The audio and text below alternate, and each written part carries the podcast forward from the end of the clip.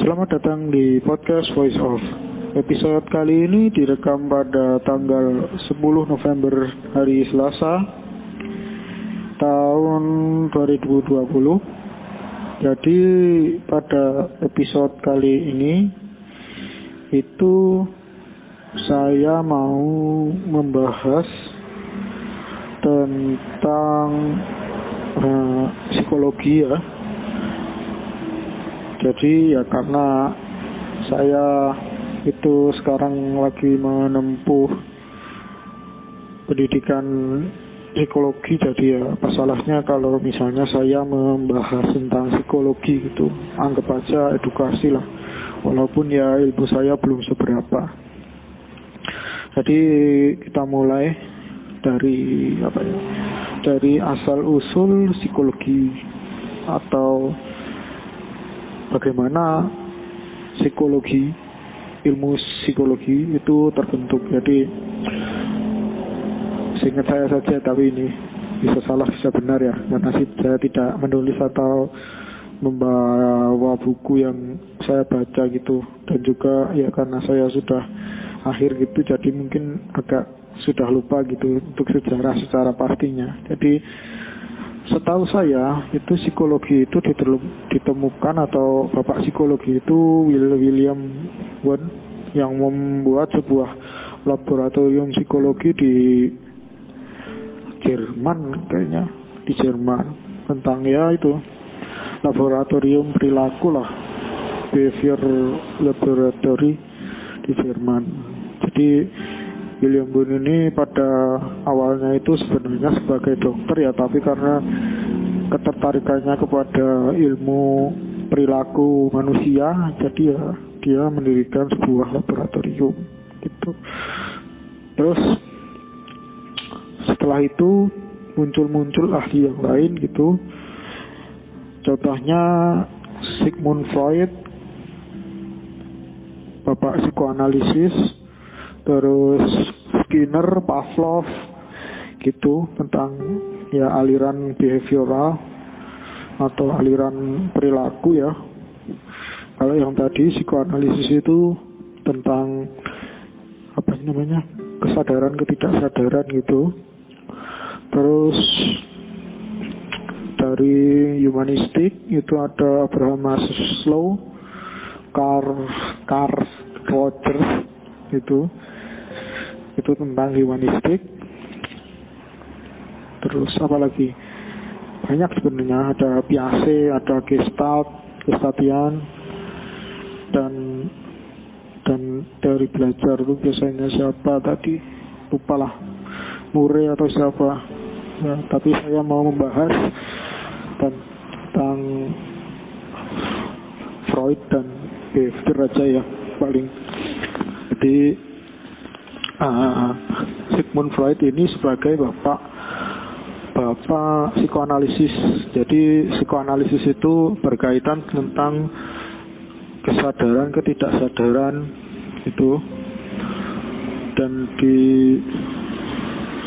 psikoanalisis itu teori utamanya itu tentang psike psike atau jiwa jiwa itu terbentuk dari it ego dan superego. Jadi it itu adalah uh, kalau salah tuh kemauan gitu. Atau uh, apa sih namanya? Bawaan kemauan bawaan. Contohnya contohnya makan keinginan makan terus keinginan seks dan tidur itu misalnya ya kayaknya kayaknya kalau masalah terus kalau ego itu ten, uh, sebagai jembatan lah bisa dibilang sebagai apa ya menjembatani ke super ego jadi kalau misalnya super ego ini adalah super itu uh, apa sih namanya? Uh, aturan etis atau apa sih?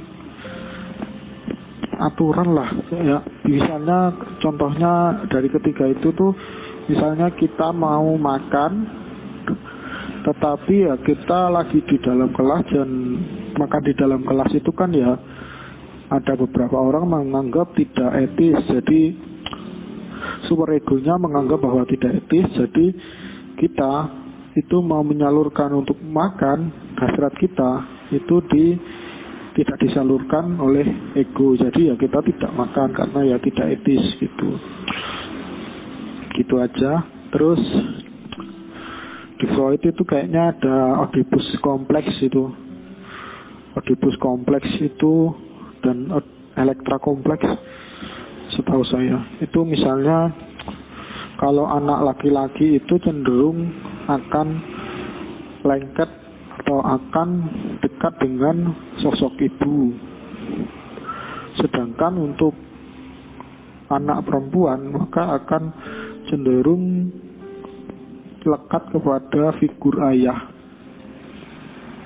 Gitu. Ya karena apa sih? Karena ada Oedipus kompleks itu. Dan di psikoanalisis itu ya tokohnya bukan hanya Sigmund Freud ada juga Gustav Jung yang tentang apa sih namanya itu? Psikososial kalau nggak salah. Psikososial itu tentang tahap-tahap perkembangan. Jadi contohnya contohnya jadi manusia ini kan ada beberapa tahap perkembangan. Kalau di Jung itu misalnya apa ya pokoknya ada beberapa tahap lah intinya. Terus ya kalau misalnya tahap itu tuh ada yang tidak tidak terselesaikan maka akan menyebabkan sebuah gangguan di masa dewasa. Tapi ya karena tahap-tahapnya saya lupa ya nggak usah dibahas lah ya. Kita lanjut aja ke uh, aliran behavioral atau aliran perilaku itu ada Skinner dan Pavlov. Sebenarnya ada lagi tapi saya lupa karena saya ingat dua itu ya. Mari kita bahas tentang kedua tokoh tersebut.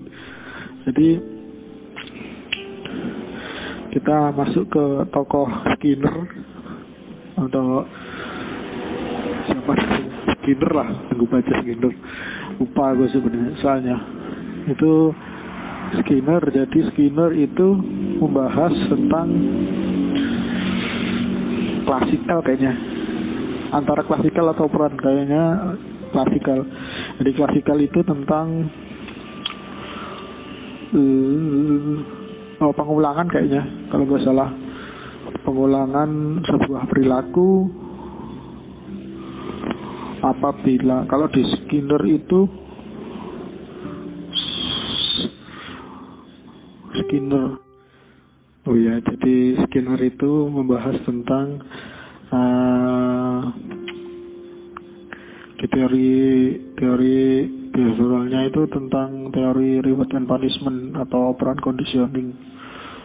Jadi yang tadi itu salah. Jadi yang untuk klasikal itu berarti Pavlov.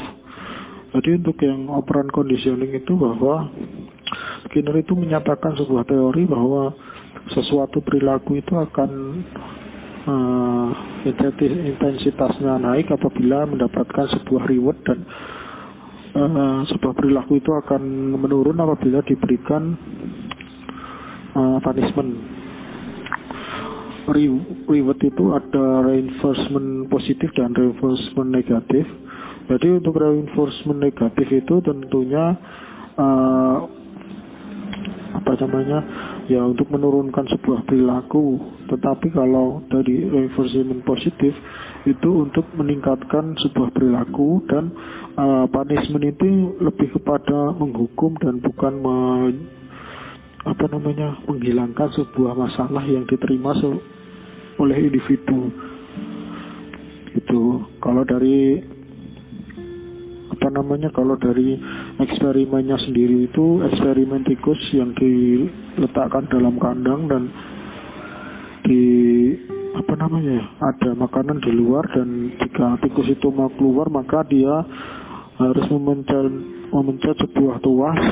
Nah, tikus itu pertamanya menggaruk-garuk kandang dan ya terakhirnya memencet tuas maka apabila tikus itu dimasukkan ke dalam kandang tersebut maka uh, tikus itu akan melakukan memencet uh, tuas itu untuk agar bisa keluar. Walaupun uh, kandangnya itu dimodifikasi maka ya pada percobaan atau awalnya itu akan memencet tuas pada awalnya ya. Tapi ya kalau karena misalnya kandangnya itu sudah diubah struktur membuka pintunya atau membuka kandangnya maka ya nanti ya perilaku tersebut akan menurun dengan sendirinya dan akan mencari sebuah solusi yang lain. Itu nah untuk Pavlov sendiri Pavlov sendiri ini mempunyai sebuah teori yaitu classical conditioning dan di uh, di di eksperimennya itu melibatkan anjing di mana uh, eksperimennya itu menyebutkan bahwa anjing itu men apa ya mengeluarkan liur apabila diberikan daging. Jadi si Pavlov ini mau mengubah perilaku anjing tersebut untuk mendengar lonceng maka si air si liur dari anjing tersebut keluar tanpa adanya stimulus daging. Nah, dari sebuah ide tersebut maka si Pavlov ini menggabungkan antara stimulus netral dan stimulus uh, stimulus apa ya? Stimulus pengganti lah bisa dibilang. Jadi awalnya nanti akan dibiasakan uh, daging dulu. Apabila nanti sudah terus digabung dengan lonceng dan apabila itu sudah dilakukan ya bisa dibilang berulang kali maka nanti uh, stimulus daging itu akan dihilangkan dan stimulus lonceng itu sudah cukup untuk membuat air liur anjing ini uh, keluar sendiri gitu. Ya. Terus untuk aliran humanistik sendiri itu merupakan aliran bisa dibilang aliran kritik bagi aliran behavior.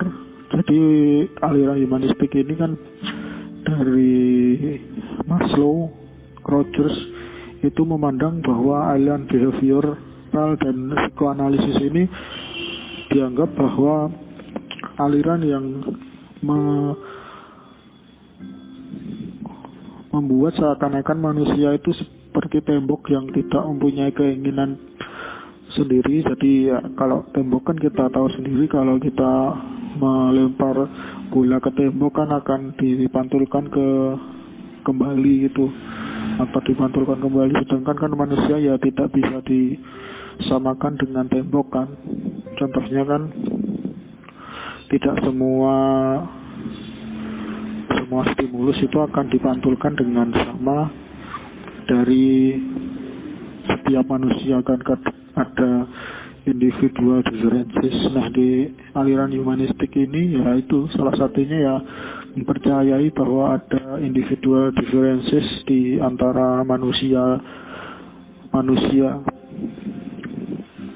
dan di Maslow sendiri itu ada sebuah teori yang terkenal yaitu teori kebutuhan atau apa namanya hierarki needs Maslow hierarki needs needs hierarki needs hierarki yaitu contohnya saya ingat saya itu di keinginan atau kebutuhan paling bawah itu kebutuhan paling mendasar manusia itu adalah kebutuhan untuk makan. Nanti sifatnya hierarki. Jadi apabila kebutuhan di bawahnya sudah terpenuhi maka akan uh, berlanjut ke kebutuhan selanjutnya dan kebutuhan di paling atas itu seingat saya tentang aktualisasi diri. Jadi apabila makan sudah terpenuhi, kasih sayang sudah dipenuhi, rasa aman sudah dipenuhi, dan lain-lain kebutuhan di atasnya, maka kebutuhan yang paling atas itu aktualisasi diri. Aktualisasi diri itu menunjukkan apa ya bagaimana sebuah individu itu bisa merasa bahwa dirinya itu sudah berkontribusi bagi masyarakat gitu. Atau pengakuan lah bisa dibilang gitu. Itu ya. Itu untuk episode kali ini mungkin segitu dulu ya teman-teman untuk pembahasan tentang psikologi. Itu bisa dibilang sebagai pengantar atau bagaimana lah nanti. Nggak tahu apakah pembahasan tentang psikologi ini akan dilanjutkan atau gimana? Ya nanti tergantung ding. Tergantung dari gimana gitu dan keluasan gitu. Karena ya saya sendiri sudah agak lupa gitu tentang ilmu psikologi di dasar-dasarnya. Karena ya bisa dibilang psikologi itu dijelaskan dasar itu pada semester-semester awal juga kok soalnya gitu. Dan terima kasih sudah menonton eh, sudah mendengarkan sampai akhir. Sampai jumpa teman-teman di episode selanjutnya. Terima kasih